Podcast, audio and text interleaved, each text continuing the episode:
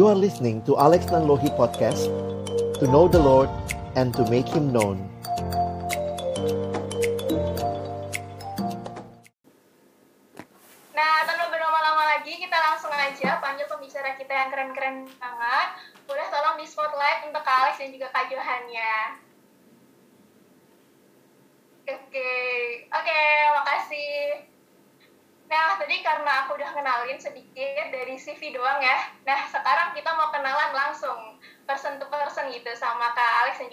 Johan.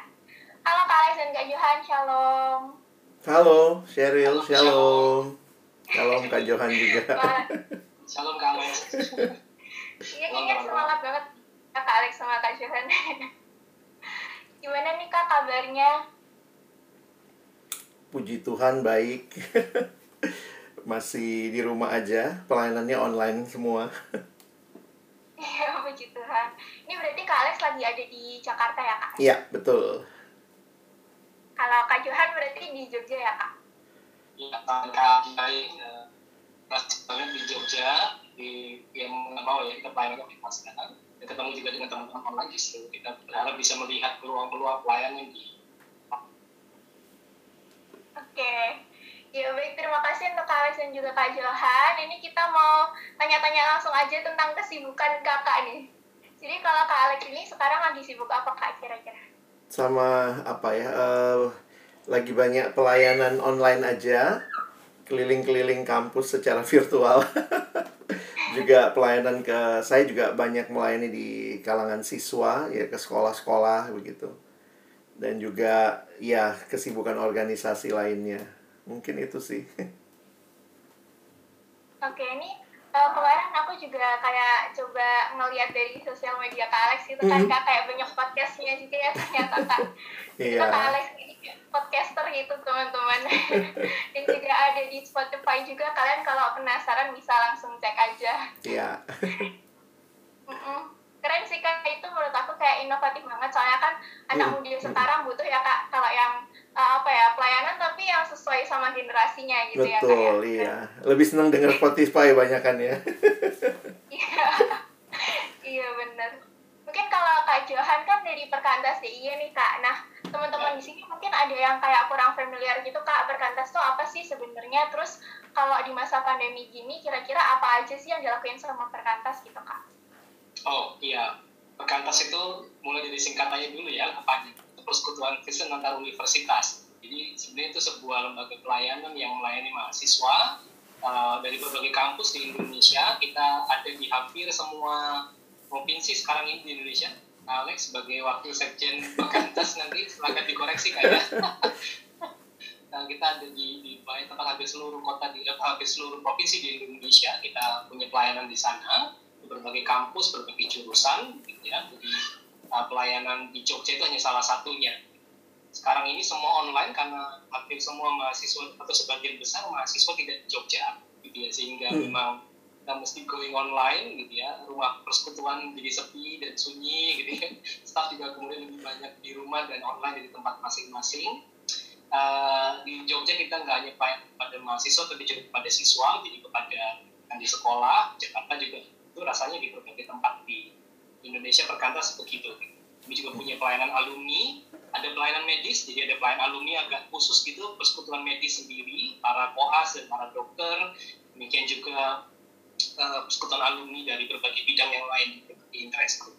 Di Jogja agak khusus kalau ngomongin soal apa yang mungkin menjadi kaitan teman-teman ya. Teman-teman kalau melihatin sosial media saya akan menyesal stalking di sosial media saya akan menyesal karena nggak ada apa-apa ya dibandingkan kalau stalking di tempat Kak Alex gitu saya lebih banyak pinjam tangan teman-teman uh, content creator di Jogja. Jadi Hmm. ada satu interest group di Jogja uh, para alumni dan mahasiswa yang memang keminatannya di media mereka mengelola Instagramnya Perkantas Jogja. Saya uh, mendampingi mereka dan suka pinjam tangan aja usul sana usul sini nggak mereka yang repot.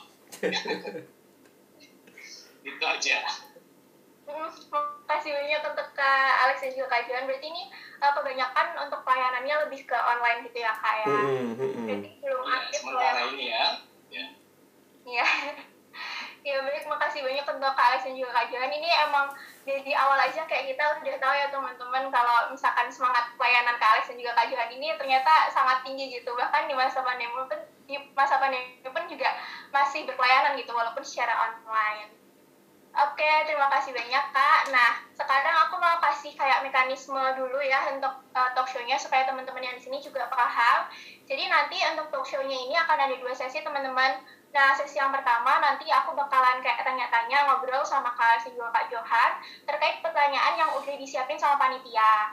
Nah, tapi kalian jangan khawatir kalau misalkan nanti kalian punya uh, pertanyaan lain di luar dari apa yang udah aku tanyakan, boleh banget kalian langsung chat aja ke PJ pertanyaan gitu ya. Nanti kalian bisa nih udah ada nanti langsung private chat ke 5 underscore UGM underscore WMDNK ya teman-teman oke okay. kalian kalau misalkan mau curhat gitu juga bisa kok guys jadi kalau misalkan kalian kayak mau uh, tanya atau kayak mau curhat sesuatu terus tanya solusinya gitu juga boleh banget ya oke okay, uh, eh, semoga teman-teman di sini udah pada paham ya untuk mekanisme talk show-nya kita langsung aja ke Alex dan juga Kak Johan masuk ke uh, bagian yang selanjutnya yaitu ke sesi talk show yang udah kita tunggu-tunggu. Nah, untuk pertanyaan pertama nih, kan tadi kan kita uh, membicarakan tentang misi gitu ya, Kak ya. Kan karena di sini juga Joglo Smarto-nya itu namanya Joglo Smarto bermisi gitu. Hmm. Nah, tapi kalau dari kakak-kakak sendiri, Kak Alex dan juga Kak Johan, kira-kira bermisi itu tuh apa sih dari sudut pandang Alkitab gitu? Mungkin bisa dijawab dari Kak Alex dulu kali ya. Oke. Okay ada banyak aspek kalau bicara tentang misi, uh, tapi saya selalu ingat bahwa misi yang kita lakukan sebagai orang percaya itu bersumber dari misinya Allah atau yang disebut dengan missio dei dalam bahasa Latin ya. Bahwa uh, ayat yang sangat uh, terkait dengan itu saya pikir adalah apa yang Yesus katakan dalam doa di Yohanes 17 sama seperti Bapa telah mengutus aku ke dalam dunia, demikian pula aku telah mengutus mereka. Maksudnya mereka adalah murid-muridnya. Jadi uh, Tuhan yang mengutus kita ke dalam dunia untuk melakukan misi atau untuk mengerjakan apa yang menjadi uh, bagian yang Tuhan percayakan. Nah, jadi misi itu sumbernya bukan dari hati kita, manusia. Aduh, kayaknya pengen deh bermisi ya. Tapi kalau sampai kita bisa punya gerakan hati yang seperti itu, itu hanya karena Tuhan yang telah terlebih dahulu mengutus anaknya bagi kita dan anaknya yang kita terima sebagai Tuhan dan Juru Selamat mengutus kita ke dalam dunia. Nah, mungkin itu aspek yang saya soroti di awal. Mungkin Kak Johan ada aspek lain, silakan. Terima kasih Kak Ini saya langsung sharing, sharing. Oke okay, ya. Jadi kalau kita membicarakan misi hari ini, saya mau melanjutkan dari apa yang tadi Kak sampaikan. Misi itu berarti kalau mau di apa namanya, bukan disederhanakan ya, karena ini cukup kompleks yeah. atau cukup kompleks sebenarnya. Tetapi membicarakan bahwa kita sedang melakukan kelanjutan dari apa yang Tuhan Yesus lakukan di bumi. Ya. Sebagai orang-orang percaya, sebagai pengikut Kristus, kita melanjutkan apa yang sedang apa yang sudah pernah Yesus lakukan di bumi di dalam konteks kita hari ini. Jadi bicara soal uh, pekabaran apa namanya kerajaan Allah, bicara soal apa namanya uh, pemulihan hidup, bicara soal uh, membawa sebuah tatanan yang baru. Saya rasa itu aspek-aspek yang menjadi sangat luas ketika kita, kita membicarakan soal misi. Hmm. Sherry, silahkan. Oke, makasih banyak Kak Alex dan juga Kak Johan. Berarti itu kayak misi itu sebenarnya kayak kita tuh sebagai perpanjangan tangan Tuhan gitu ya. Hmm. kita apa yang udah Tuhan mulai kita harus selesaikan melalui misi kita di hidup kita gitu ya. Iya. Walaupun yeah. mungkin misinya nggak bisa semua 100% misi dari Tuhan itu kita selesaikan, tapi seenggaknya kita kayak terlibat gitu ya Kak dalam misi itu. Oke, terima kasih banyak Kak. Nah ini terus uh, kan tadi kan kita udah bicara nih kayak misalnya tentang definisi dari misi itu sendiri. Hmm Nah, sekarang cara mewujudkan misi itu tuh dalam bentuk apa aja gitu, Kak? Kan kita kan sebenarnya mau, mau ngomongin tentang pengabaran Injil gitu ya, Kak. Tapi kan kalau misi itu kayak istilahnya lebih luas gitu daripada pengabaran Injil itu sendiri. Nah, sebenarnya selain mungkin selain pengabaran Injil atau ada uh, apa ya, mungkin dari pengabaran Injilnya itu sendiri itu bisa di, di, dilakukan atau diwujudkan dalam melalui apa aja gitu.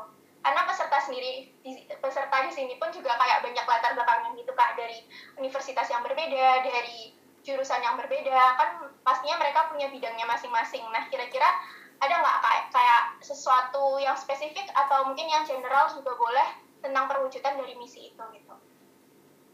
Kak Johan dulu. Gantian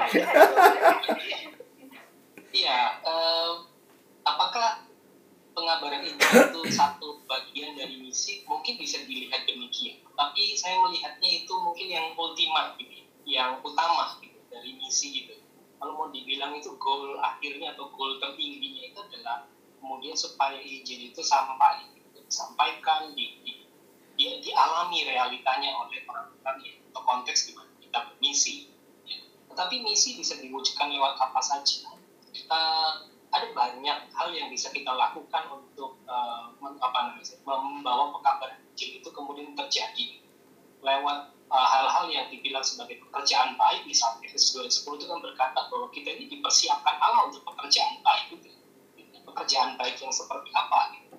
pada waktu kita terlibat di dalam pergumulan masyarakat di sekitar kita pada waktu teman-teman menggunakan keahlian dan ilmuwan teman-teman untuk memberikan solusi misalnya ya pada waktu kita melakukan sesuatu di tengah-tengah masa pandemi seperti ini gitu misalnya ada begitu banyak hal yang kita bisa lakukan menyuarakan perubahan-perubahan misalnya dari konteks politik dan lain-lain gitu.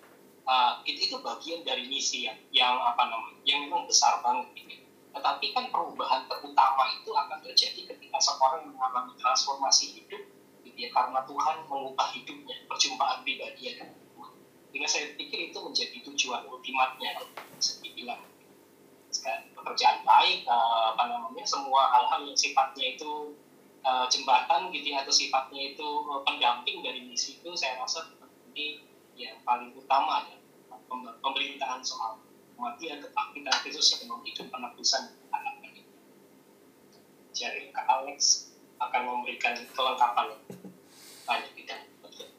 Iya, e, menarik untuk memperhatikan sebenarnya istilah yang Yesus sendiri katakan ketika dia datang adalah e, bertobatlah sebab kerajaan sorga, kerajaan Allah sudah dekat.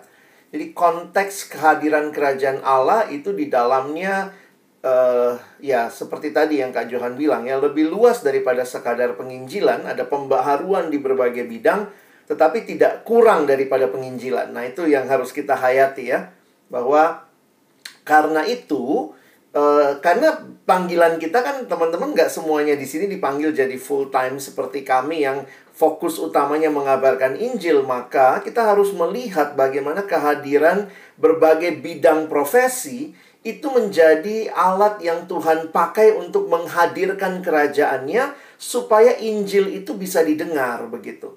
Jadi saya melihat betapa luar biasanya justru kehadiran orang-orang dari berbagai latar belakang profesi yang telah berjumpa dengan Kristus, maka dia menjadikan profesinya sebagai satu sarana untuk melayani Tuhan.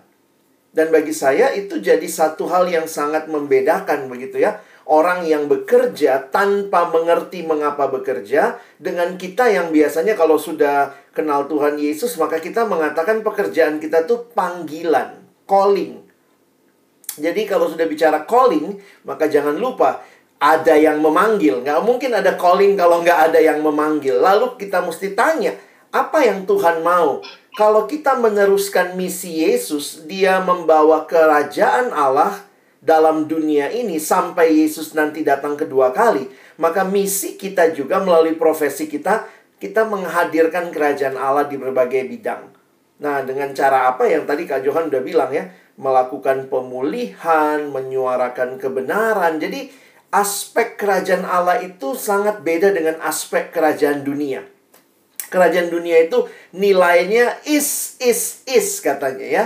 Egois, materialis, konsumeris gitu ya. Jangan masukin manis nggak ya, nggak masuk ya. Nah, tetapi ketika kita telah diubahkan oleh Tuhan, maka kita dipanggil untuk membawa nilai kerajaan Allah. Nilainya udah beda nih.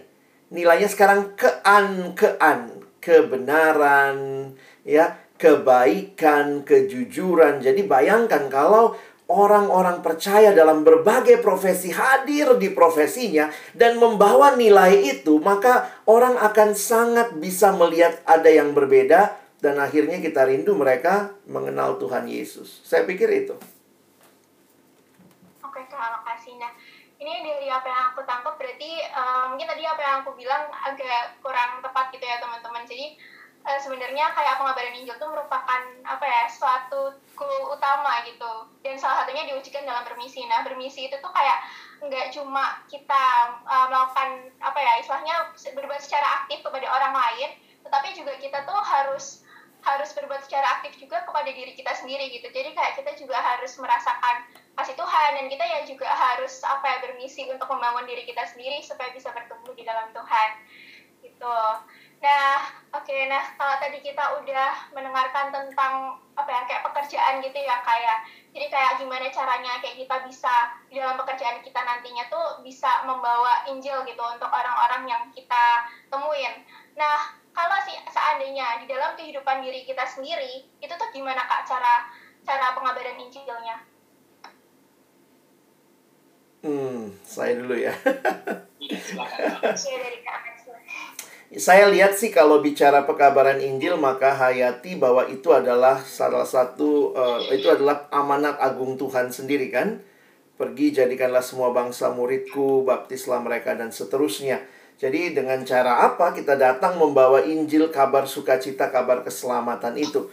Jadi kalau ditanya bagaimana kita bisa melakukan pengabaran Injil, nah ini yang kita harus uh, ingat prinsipnya dulu, lalu kemudian nanti kita dalam berbagai cara, metode yang kita mungkin pelajari demi makin baik bisa menyampaikan Injil, saya mengajak kita melihat bahwa penginjilan itu bukan program tetapi sebuah kehidupan lifestyle. Jadi sebenarnya kita kadang-kadang gitu ya, ayo ini lagi bulan penginjilan, terus bulan lain bulan apa gitu ya. Ini lagi pas penginjilan, tapi kesannya penginjilan jadi program. Jadi kalau di bulan itu kita kayak belajar hafalin apa sih yang mesti disampaikan. Tetapi bayangkan kalau itu menjadi kehidupan kita. Kehidupan yang sehari-hari teman-teman dan saya jalani yang di dalamnya kita membawa pesan Injil itu dalam dua hal. Kita belajar menyampaikannya secara verbal, tetapi juga belajar menghidupinya dengan seluruh hidup kita. Jadi jangan hanya berpikir Injil itu apa yang kita katakan, tetapi apa yang kita hidupi itu juga menjadi kesaksian yang baik untuk orang boleh mendengar dan me, ya bertemu dengan Kristus. Jadi uh, saya melihat ya pekabaran Injil itu harus jadi lifestyle yang yang kita mesti belajar tuh gimana menyampaikan berita Injil gitu ya. Uh, itu ya silakan ikut training-training penginjilan tetapi lebih jauh butuh kehidupan yang utuh untuk menghidupi apa yang kita pahami dalam berita Injil itu. Ya, saya sedikit apa sedikit aja menambahkan hmm. dari itu. Saya rasa mungkin juga nggak menambahkan gitu ya angle yang sedikit beda bahwa hidup kita itulah yang menjadi wujud dari Injil yang ada dan mengubahkan kita. Kalau kita berkata-kata soal Injil, kita apa namanya menyampaikan Injil, bagaimana seorang bisa memahami kuasanya, bagaimana seorang bisa memahami kebenarannya, bagaimana seorang bisa percaya bahwa Injil yang kita sampaikan itu memang sesuatu yang sedemikian powerful dan sedemikian indah. Kalau hidup kita tidak mewakili dari berita Bahkan Paulus berkata hidup kita itu surat yang terbuka. Ya, orang melihat hidup kita, orang melihat hidup kita. Nah itu aja. Ya kak, baik. Oke, ini cukup menarik sih sebenarnya. Jadi kayak uh, harusnya pengabaran Injil itu tuh kayak jadi lifestyle kita gitu ya. Jadi kayak nggak cuma apa yang kita perkatakan. Mungkin pada saat ini pun aku sendiri juga lagi memperkatakan gitu. Tapi nggak cuma itu aja. Kita juga harus kayak uh, melakukannya dalam kehidupan kita sehari-hari dan itu tuh tercermin gitu. Jadi orang-orang lain pun juga lihat gitu harusnya. Oke. Okay. nah kalau tadi kan udah kayak tentang ke pribadi kita sendiri ya tapi apa yang bisa kita lakukan gitu kak untuk aksi kita kepada orang lain? Apakah kayak misalkan dengan berbuat baik? Misalkan kan ini di masa pandemi itu kayak pasti banyak yang kayak membagikan sembako dan lain sebagainya terus juga menolong orang lain dan perbuatan-perbuatan baik lainnya tuh apakah itu termasuk pak ke dalam bermisi mungkin bisa uh, dari Tuhan dulu iya apakah itu termasuk dalam bermisi saya akan ber, berkata uh, tergantung ya depends uh, kita kenal itu ada istilah Kristen Indomie Kristen beras dan lain-lain. Karena orang Kristen dicap sangat sangat remeh kayak gitu sebetulnya. Bahwa kita bagi-bagi sembako, Kristen sembako gitu ya. Jadi bagi-bagi bantuan begitu loh kita berharap orang kemudian bertobat dan percaya kepada Tuhan Yesus. Ada tuh bantuan yang sementara, bantuan yang kadang-kadang ala kadarnya gitu ya, dan menempatkan orang lain dalam keadaan sebagai apa orang yang sangat lemah, penerima, miskin dan lain-lain. Nah kita kita perlu punya cara pandang yang saya dari hal-hal itu bahwa ketika itu dianggap menjadi sarana untuk membuka pintu bisa saja tapi kita perlu ber, tidak menjadi buru-buru untuk mengatakan bahwa itu adalah tindakan penginjilan yang pertama atau tindakan misi pak tetapi itu memang tanggung jawab kita untuk mengambil bagian dalam pergulatan masyarakat di sekitar kita. Bukankah kita yang dipenuhi dan apa, diubahkan oleh kasih Kristus itu? Mestinya diikuti oleh kasih dan melihat orang-orang di sekitar kita dengan belas kasihan. Ketika ada kebutuhan-kebutuhan, apa pun itu, kita mungkin menjadi orang yang pertama kali mesti merespon kebutuhan-kebutuhan. Sehingga mestinya itu sesuatu yang biasa saja mengalir dari hidup kita.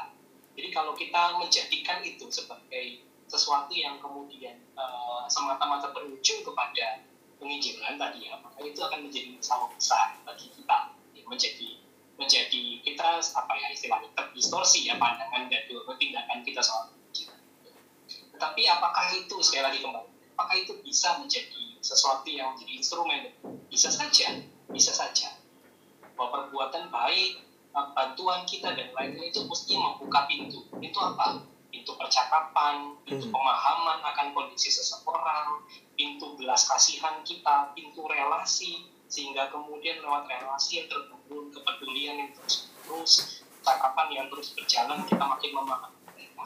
Kita bisa kemudian uh, apa namanya mengerti betul pergumulan mereka. Kita bisa turut ambil bagian. Kalau kita kemudian menyampaikan, ya kesempatan menyampaikan kabar baik Injil itu, kita sedang menyampaikan sesuatu yang dekat dengan hidup mereka dan menjadi jawaban bukannya sekedar apa presentasi uh, apa namanya hafalan uh, hmm. metode BI ya, ya. ya Alex Ya benar sih, saya lihat memang uh, apa yang Kak Johan sampaikan itu harus jadi catatan penting buat kita untuk tidak menjadikan perbuatan baik itu umpan Kayak oh, nanti kalau kita umpanin mau dapat ikan gede ya kasih aja Indomie nanti jadi, jadi satu desa jadi Kristen semua begitu. Itu saya pikir kita jadi tidak tulus berbuat baiknya. Jadi berbuat baik itu memang panggilan kita sebagai orang percaya. Nah, makanya kita lakukan perbuatan baik itu. Dan ternyata, nah ini kalau kita bahas yang sisi positifnya yang Kak Johan bilang tadi, perbuatan baik itu bisa Tuhan pakai membuka, ya saya senang tadi, pintu percakapan. Jadi teman-teman harus menghayati proses penginjilan itu nggak nggak satu dua tiga ya. Nah memang saya nggak tahu juga ini kita dibesarkan dengan konteks diajarin metode penginjilan dan segala macam yang seolah-olah harus selesai dari hulu sampai hilir dengan diri kita. Saya kasih contoh begini.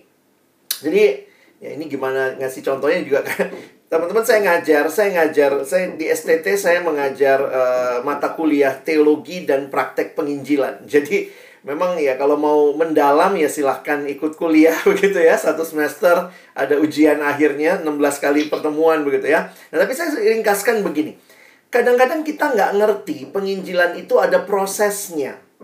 Lalu kita selalu melihat penginjilan itu seolah-olah saya satu-satunya orang yang Tuhan pakai ya itu yang kadang-kadang membuat kita akhirnya bisa jadi membebani diri, merasa kita harus melakukan penginjilan lalu kayak menjadi tekanan tertentu dan itu jadinya cuma program gitu ya. Wah, harus PI ini, harus PI, harus penginjilan gitu.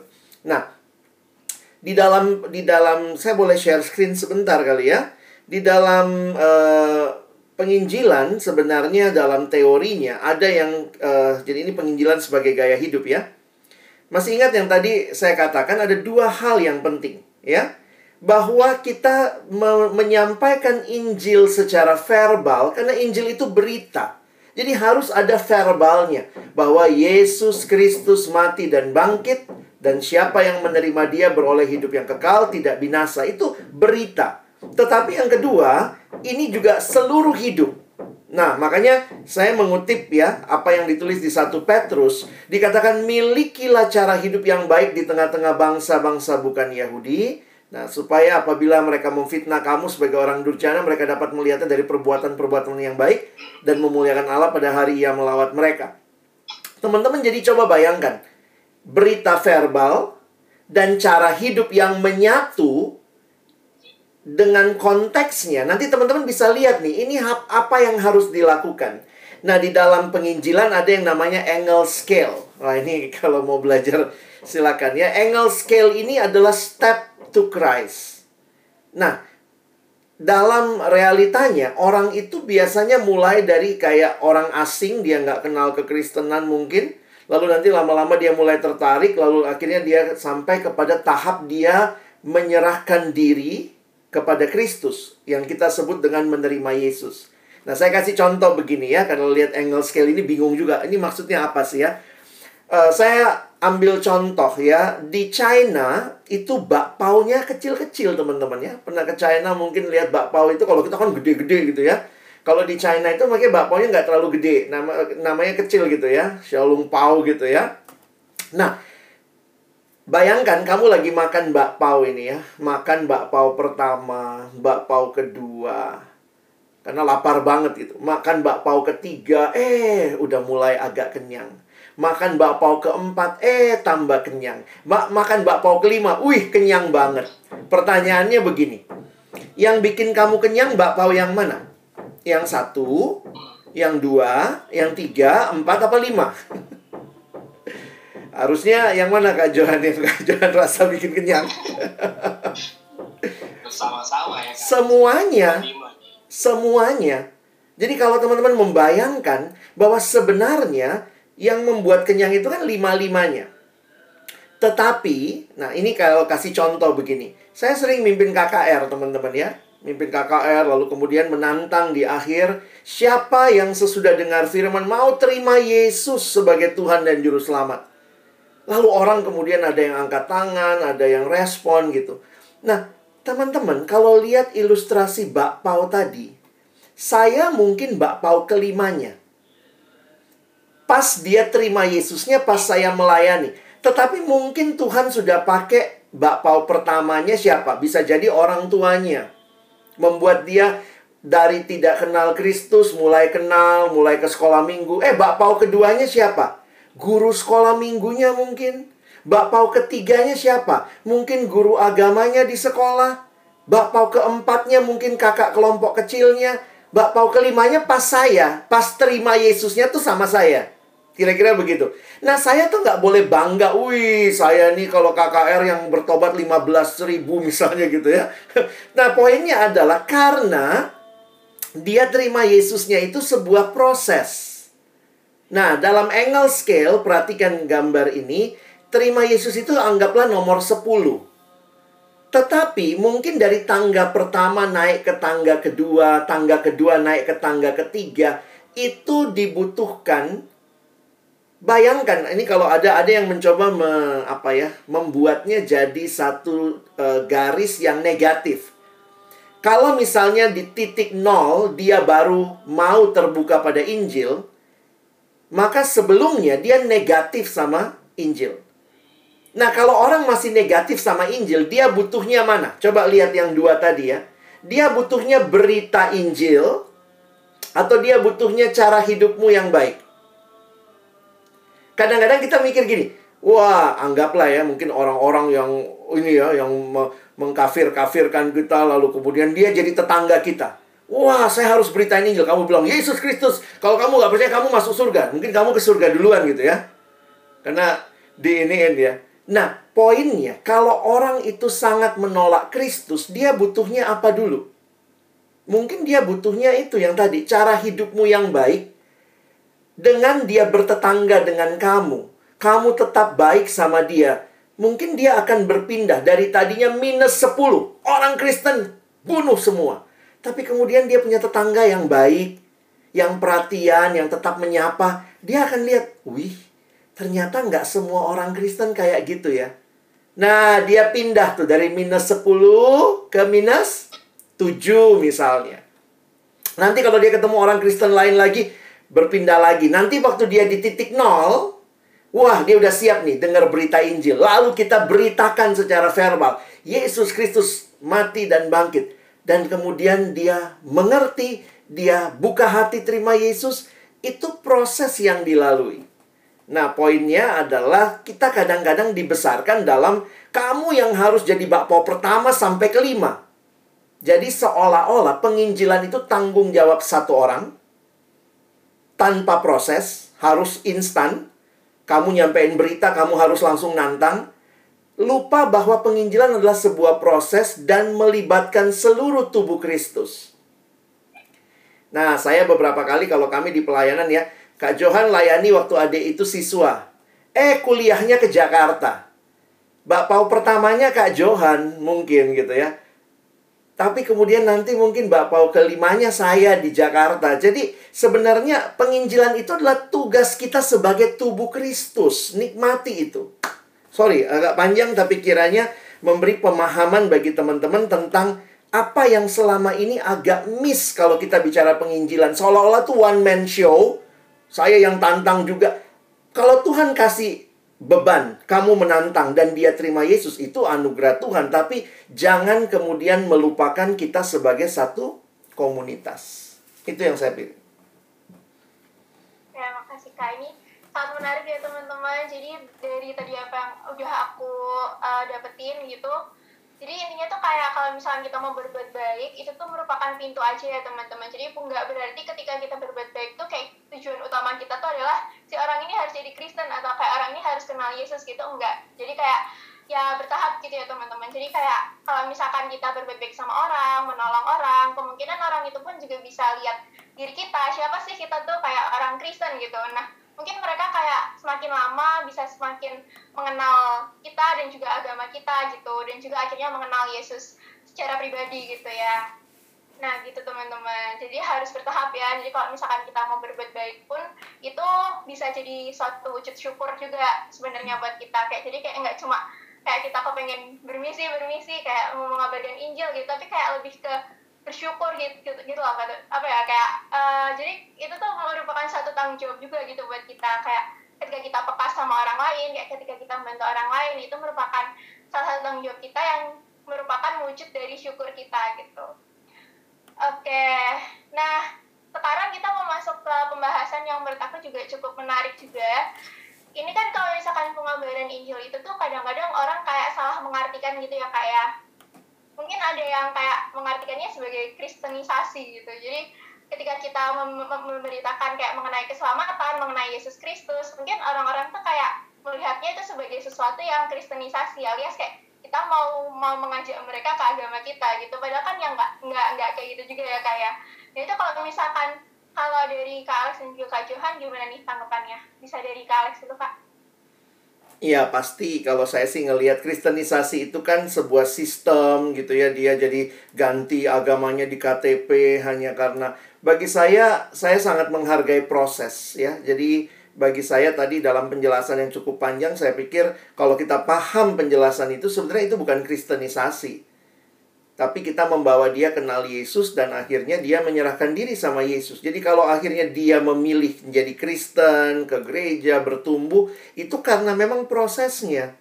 Jadi bukan orang dia minus 10, tapi dikasih duit, pokoknya kamu ganti ya agamamu di KTP langsung ganti, kamu udah kami kasih Indomie satu pabrik, kamu harus ganti jadi Kristen.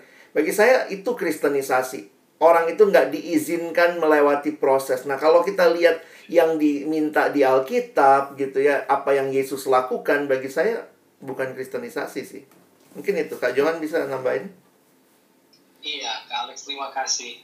Uh, saya rasa ada ada sisi uh, betulnya tuduhan orang soal kristenisasi gitu ya. Tadi seperti Kak Alex singgung itu bahwa ketika kita itu serampak Uh, kita seperti transaksional gitu ya, seperti baik aja gitu ya, perbuatan baik, hal-hal yang kita lakukan itu seperti umpan aja gitu maka wajar banget kita dituduh saya punya satu artikel ini, ini jadi jurnal apa namanya ilmiah ya itu seorang Indonesia yang di luar negeri itu bahas soal kristenisasi dari sudut pandang ekonomi politik gitu. dan bagus sekali dia bahas itu secara sejarah itu dia runut sampai kemudian dia temukan kapan sebenarnya mulai digunakan istilah itu dan penyebabnya. Faktanya memang secara sejarah kita itu uh, ada pihak-pihak yang diuntungkan gitu ya. Dan kristenisasi itu memang bagian dari proses dari apa namanya penjajahan itu gitu. Jadi istilah itu maksud saya. Lagi pula kekristenan masuk di Indonesia dibawa sama orang asing yang kemudian dia jadi penjajah. Jadi kita punya punya beban sejarah tuh gitu ya untuk untuk apa namanya ngomongin PI gitu kan hmm. kalau kita PI itu uh, akan selalu dilihat melekat dengan dengan penjajahan apalagi kalau tadi bentuk kita itu ya wujudnya kita itu memberikan kabar baik tidak membawa kebaikan kita menjadi penjajah atas orang lain memaksa orang lain apa namanya uh, berubah bukan sebagai sebuah bagian keputusan yang sadar penuh begitu tapi menjadi bagian dari selama kamu sudah terima sesuatu maka kamu kemudian pantas untuk atau harusnya kamu memberikan respon uh, mengikuti kami. Seperti dibeli. Gitu. maka itu menjadi sesuatu yang yang berbahaya jadi kalau posisi saya ya wah ada ada ada ada alasannya kita dituduh tapi apakah itu disalahartikan tentu saja iya gitu ya di dalam pemahaman yang benar tentu saja tidak ya sepakat dengan Kak Alex banget bahwa penginjilan itu proses yang panjang sekali gitu ya. Kadang-kadang sangat panjang gitu. butuh sangat lama sampai kemudian orang ketemu dengan encounter pribadi dengan Yesus hmm. ya kak bener sih kak. Berarti ini tuh kayak satu hal yang emang bertahap ya kak ya. Jadi kita eh, nggak uh, bisa juga kalau misalkan kayak memaksa orang untuk ya itu tadi kayak misalkan uh, langsung mengenal Yesus atau kayak misalkan langsung pindah ke Kristen gitu juga enggak ya teman-teman. Jadi ini lebih kayak me, apa ya kita terlibat dalam proses mereka untuk memberi, untuk kita tuh uh, punya tujuan utama dalam memberitakan keselamatan gitu. Nah sekarang kak kita mau beralih nih ke masa-masa yang mungkin lebih relate ya untuk kita sekarang karena kan ini dalam masa pandemi nih kak. Nah kira-kira kalau misalkan di masa pandemi kayak gini kita tuh harus uh, melakukan pengabaran Injil tuh seperti apa sih kak? Dan kenapa kok harus gitu? Apa alasannya gitu kak? Mungkin bisa dari kak Johan dulu ya kak. Kenapa harus memberitakan Injil? Amanat agung. Sebagai itu bercanda dan ini. Bisa kenapa kita memberitakan Injil bahkan di masa pandemi? Jadi kak Alex sebutkan di apakah itu bulan penginjilan atau bukan gitu ya mestinya itu menjadi bagian dari hidup kita itu apa namanya berbicara ya, di segala waktu di segala keadaan termasuk di masa pandemi. Nah ini juga agak tricky nih ngomongin ini gitu ya karena sebagian orang berkata justru ini waktu yang tepat untuk memberitakan ini banyak orang kehilangan harapan. Masalahnya banyak punya banyak ketakutan punya banyak kesulitan. Saya kemudian berita apa pertolongan dari Tuhan itu eh, menjadi jawaban banget. Tapi pertanyaannya adalah apa orang Kristen bergulat bersama-sama mereka? Itu kan pertanyaan yang lain ya. kalau mereka diberi berita ada Tuhan yang menolong sedang. Pertolongan itu nggak nyata bagi mereka gimana mereka kemudian orang yang belum percaya ini mau, mau melihat bahwa ada pertolongan yang nyata mereka? Itu, itu sisi yang lain. Uh, lalu bagaimana kita melakukan uh, apa namanya PI gitu di dalam masa saya rasa PI itu sekali lagi tadi karena itu sebuah proses yang panjang dan sebetulnya sangat Eh, sangat sangat personal gitu. Ada satu riset yang menarik, ini riset empiris yang pernah saya kutip di satu paper saya. Dia seorang peneliti meneliti jangka panjang gitu ya. Pasca seorang menjadi Kristen. Dari konteks yang bukan Kristen. Dia menjadi sebuah negara Asia yang konteks budaya itu bukan Kristen. Lalu dia teliti gitu. ketika orang-orang menjadi Kristen itu apa yang membuat orang-orang bertahan menjadi Kristen? Gitu.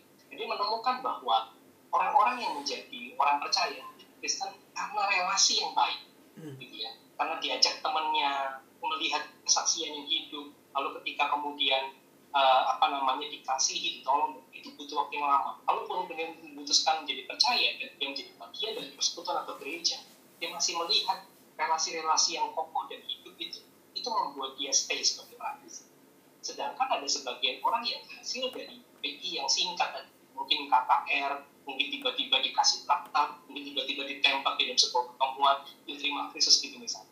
Secara budaya orang-orang ini sungkan. Mereka memutuskan, oke, okay, diterima Kristus. Tapi tidak lama setelah itu, mereka meninggalkan gereja. Kenapa? Karena mereka tidak melihat hidup yang seperti apa yang dikatakan. Nah, kesulitan kita di dalam konteks pandemi ini adalah bahwa kita sulit bertemu atau berinteraksi secara langsung. Life, uh, daily life interaction gitu ya, yang kemudian memungkinkan hal-hal semacam itu bisa dilihat dan menjadi berita yang utuh. Saya rasa itu tantangan yang mungkin perlu kita diskusikan nanti. Tapi apakah kita kemudian membuat apakah situasi membuat kita berhenti? Nah, harusnya tidak. Harusnya kita kemudian menggali, mengeksplorasi sisi-sisi yang lain dan memungkinkan kita untuk bisa tetap membawa kabar baik. Apakah kemudian misalnya kita puas gitu ya konten sementara ini dengan dengan dengan menjadi salah satu Pak Paul tadi itu menjadi penyebar beritanya dulu ya. Menjadi pembawa kesaksian itu pengalaman kita seperti apa? Membawa pesan-pesan yang baik dulu misalnya. Ya. sambil itu mungkin membuka percakapan-percakapan membuka respon dan hmm. maka selain kita kalau nanti teman-teman punya campaign misalnya saya mencoba mengasumsikan itu. Waktu teman-teman campaign mungkin teman-teman juga perlu juga perlu siapkan bagaimana meresponi kalau ada orang respon pada campaign itu misalnya. Sehingga itu menjadi sesuatu yang lanjut dan sampai kepada Pak kelima cari silakan juga Alex Iya, kalau saya melihat memang uh, ya sangat sangat jelas ya filosofi bahwa Injil harus diberitakan ya karena ada manusia berdosa sih ya. Jadi kita tidak bisa tutup mata ya. Apakah manusia jadi kurang berdosa di pandemi? Kalau pandemi, jadi kayaknya tidak ada masalah, tidak ada masa di mana kita nggak butuh memberitakan Injil. Selama masih ada manusia berdosa, maka Injil harus diberitakan. Bagi kita yang sudah mengalami kasih Tuhan, diselamatkan, ini menjadi bagian dari panggilan kita. Jadi mungkin saya setuju sama Kak Johan tadi ya. Masa pandemi ini mungkin makin menyatakan bagi saya kebutuhan-kebutuhan itu dan uh, bagaimana kita sebagai orang-orang percaya benar-benar bisa jadi berkat buat orang-orang yang uh, Tuhan hadirkan di sekitar kita sih. Mungkin begitu sih. Ya, makasih banyak untuk Kak juga Kak Johan. Berarti emang apa ya pengabaran Injil itu emang harus ya wajib karena itu merupakan amanat agung dari Tuhan. Hmm. Tapi uh, apa ya kayak kita jangan juga berpikiran mungkin orang-orang di luar sana kayak ada gitu ya yang berpikiran kalau misalnya di tengah masa pandemi ini Biasanya mencari kesempatan dari dalam kesempitan gitu ya kak ya kayak tadi kayak kak Johan bilang.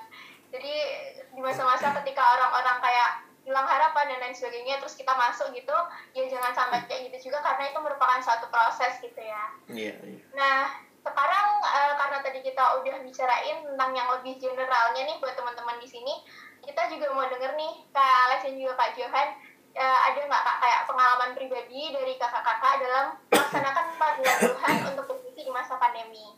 Nah mungkin bisa sekalian diceritakan juga kayak uh, ada tantangannya apa enggak terus apakah kakak-kakak pernah merasakan ketakutan enggak gitu. Dalam melaksanakan uh, penginjilan ini terutama di masa pandemi gitu kak. Bisa dari kak Alex dulu ya berarti Oke, okay. ya saya mungkin dalam pengalaman ini ya uh, masa pandemi ini membuka banyak kesempatan sih. Jadi uh, saya juga bisa lebih tekun lah ya, saya lebih tekun dan konsisten di medsos gitu. Dan uh, ya itu itu yang saya juga pikir bagaimana uh, apa yang diposting gitu ya. Memang kadang-kadang nggak nggak terlalu saya nggak terlalu terencana ya. Kalau lihat medsos saya pokoknya dumplek lah semua di situ ya. Uh, artistiknya kurang baik gitu. Tapi poin saya adalah uh, saya membagi saja apa yang saya punya. Jadi di situ yang saya lihat uh, kayak Tuhan memberikan kesempatan untuk saya sendiri membagi apa yang saya punya. Bukan apa yang saya nggak punya kadang-kadang kalau lihat channel orang gitu ya aduh bagus banget gitu ya. Tapi saya nggak bisa gitu ya saya nggak punya waktu khusus buat itu. Tapi ya udah apa yang saya punya setiap kali khotbah saya rekam saya udah saya udah mendisiplin diri merekam khotbah saya sendiri sejak tahun 2007 jadi kalau kalian tanya kok banyak kontennya kak? Saya udah punya banyak rekaman tinggal saya upload aja gitu ya. Tapi poinnya adalah yang kedua, itu ternyata banyak membuka pintu percakapan. Jadi ada beberapa orang baik yang berani ngasih namanya, kadang-kadang nggak tahu dia bikin IG palsu kali ya. Tiba-tiba nanya ke saya gitu ya, karena ya generasi ini kan pengennya anonim semua pertanyaannya ya. Atau kadang-kadang gini, kak ada teman saya padahal dia gitu. Lalu kemudian email, ada yang kirim email dan itu uh, misalnya kak saya dengar podcast kakak tentang ini, boleh nggak saya tanya? Jadi jujur aja saya ngelihat uh, masa pandemi buat saya jadi peluang ya untuk membuka percakapan melalui apa yang saya miliki, yang saya sharingkan gitu. Dan um, di sisi lain, saya coba juga dengan melihat beberapa hal yang terjadi, misalnya gini teman-teman ya, um, saya mesti belajar untuk PI secara secara online. Gimana ya mem memaksimalkan? Misalnya ya kadang-kadang lihat ini ya, video misalnya. Ada video yang bagus gitu ya. Nah, uh, nah sorry ini direkam sih ya. Saya nggak bisa terlalu cerita detail karena ada uh, ada situasi tertentu yang intinya begini. Tuhan mempertemukan saya dengan seorang dari latar belakang yang bukan Kristen. Tapi teman-teman tahu nggak gimana saya bisa ketemu sama dia? Karena temennya membawa temennya ini ke saya. Jadi dan itu simple banget lah the, uh, cut the story short gitu ya. Dia kepoin bukan kepoin sih ya. Dia liatin status IG temennya. Lalu kemudian temennya tuh lagi curhat lah. Biasa kan anak sekarang curhatnya di IG di, di story ya. Nah kemudian dia komen. Waktu dia komen kemudian dia ngobrol gitu. Waktu ngobrol kemudian ternyata mereka masuk sampai pingin belajar tentang iman Kristen. Nah kemudian anak ini bilang kontak saya, Kak Alex bisa tolong nggak? Ya udah, jadi akhirnya uh, ya saya saya melihat itu sebagai kesempatan. Jadi memang kadang-kadang bukan kita yang nyari, Tuhan juga bisa bawa mereka ke kita. Nah, waktu itu saya mulai pikir apa yang saya lakukan ya. Misalnya saya lihat video yang bagus di Yes He Is. Kadang-kadang kita nggak mesti bikin sendiri kan. Ada video yang bagus di Yes He Is mungkin. Lalu kemudian saya ambil, saya bilang kamu nonton video ini ya uh, nanti kalau udah nonton sharing ya dapat apa? Terus nanti kita teleponan ya dan kami biasa tuh teleponan sampai sejam dua jam gitu ya karena jadinya ngobrol gitu. Nah ya memang nggak tahu ya tiba-tiba dia menghilang tapi saya pikir apa yang Tuhan sudah tabur dalam benih itu ya pasti tetap ada lah ya. Tuhan bawa beberapa orang seperti itu di masa pandemi ini uh, untuk saya apa ya ngobrol dan termasuk juga misalnya um, membiasakan ya. Kadang-kadang kan gini ya di masa-masa pandemi ini saya juga dapat dari seorang adik rohani waktu itu. Sebenarnya dia cuma simple nanya ke Alex ulang tahun mau didoain apa? Terus saya kirimlah daftar doa. Oh oke. Okay. terus saya pikir gile udah dikirim daftar doa nggak didoain doain juga nih orang gitu ya. Ternyata setelah kira-kira dua jam kemudian dia kirim voice notes. Jadi doa itu terasa personal sekali karena saya dengar dengar dia dia bicara. Dia kirim voice notes, dia, voice notes juga lucu. Baik Kak Alex, mari kita berdoa. gitu. Jadi saya kayak, ups lagi lagi, oh ya mari kita berdoa ya. Tapi bagi saya itu itu menyentuh loh. Saya lagi berpikir bahwa kadang-kadang kita cuma biasa dengan chatting, tapi mungkin kalau you want to be more personal, teman-teman bisa begitu ya dengan orang-orang. Kalian bisa bisa nggak langsung bicara penginjilan tapi misalnya just say to your friend what can I pray for you? Dan pakai aja daripada kamu cuman posting-posting yang nggak jelas di story atau apa. Kuotanya dipakai lah untuk mungkin eh ini ada video bagus. Nanti nonton ya. Nanti kita diskusi ya gitu. Terus kemudian eh kamu dapat apa misalnya dari uh, video itu? Jadi uh, kalau ditanya ter yang terakhir tadi ya apakah ada ketakutan gitu Sebenarnya ketakutannya lebih kepada diri sendiri ya. Khususnya misalnya ini saya nggak biasa itu eh, tiba-tiba kirim voice notes doa itu saya saya juga mau coba tuh saya masih berjuang tuh kayaknya geli gue gitu ya. Tapi saya pikir eh, buat saya I feel personal pada waktu itu. Jadi mungkin ketakutannya memang uh, kalau saya kepada diri sendiri sama kalau saya tidak sabar kadang-kadang kan gini ya udah teleponan berkali-kali kok dia belum mau percaya ya? Itu tuh kadang kadang nggak sabar gitu.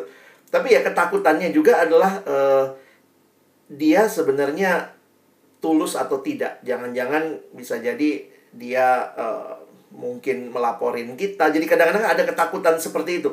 Ini orang datang sebenarnya tulus nggak sih jadi itu yang uh, saya pikir kita juga mesti berhikmat sih ya. Jadi uh, karena situasi sekarang saya pikir di negara yang seperti kita Indonesia pluralis kita harus bisa melihat saya benar-benar memastikan kamu pengen dengar bukannya saya yang tiba-tiba kamu duduk ya, kamu dengerin ya Kristen tuh begini ya. Tapi bagaimana dalam percakapan memastikan bahwa oh kamu tertarik ya, yuk saya ajarin gitu kira-kira.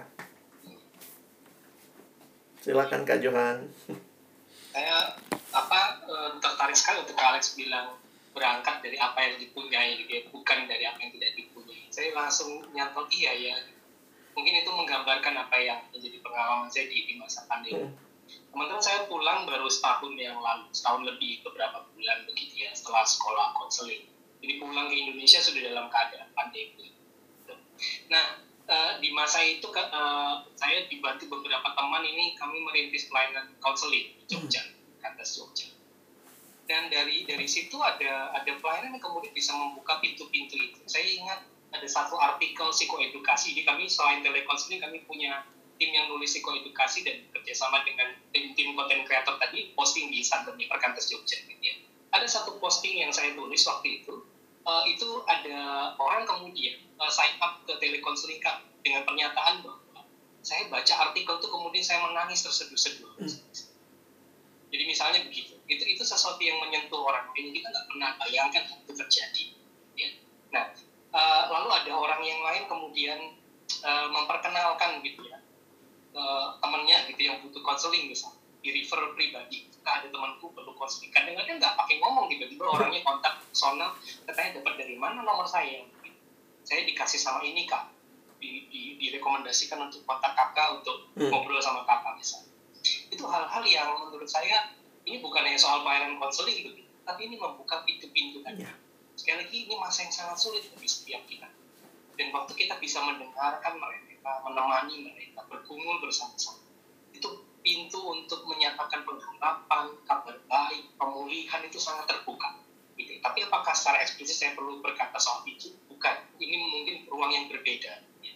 Sampai kemudian mereka berkata, ah, saya butuh sesuatu atau misalnya bagaimana itu bisa menjadi sesuatu yang menetap atau yang sungguh-sungguh memberikan perubahan yang sejati. Nah itu mungkin baru kemudian Injil bisa masuk ke sana Hmm.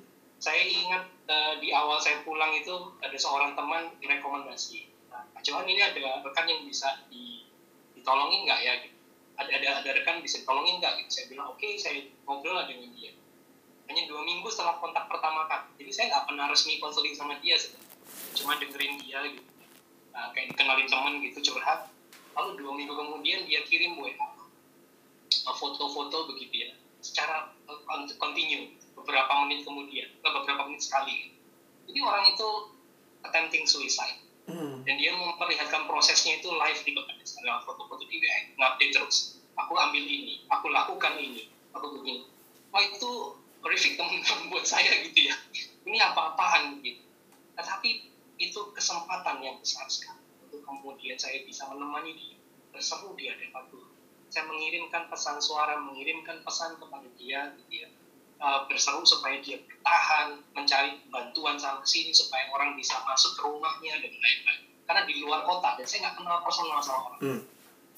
sampai kemudian orang ini bisa diselamatkan hidupnya kemudian berubah itu lumayan drastis lah ya. kalau mau dibilang berubah total belum juga. Ada sisi-sisi lainnya yang yang yang belum sampai selesai. Saya rasa berita Injil masih menuju ke sana. OTW gitu ya ini belum sampai di situ tetapi persoalan pemaknaan hidup itu menjadi sesuatu yang berbeda bagi orang ini. Nah menurut saya ini bagian-bagian yang Tuhan izinkan untuk untuk dengan apa yang ada pada saya tadi dia kalau bilang itu, menjadi instrumen untuk masuk ke sana berbicara kepada pengalaman yang lain eh, saya punya beberapa kenalan cukup dekat waktu di Manila teman-teman dari agama yang lain lalu saya ngerti itu pergumulan mereka di masa pandemi yang waktu ketemu saya itu masih pengantin baru. Tiba-tiba pandemi. Dia sama sekali nggak bisa pulang ke Indonesia pasangannya nggak bisa ke sana. Jadi dia LDR udah hampir dua tahun.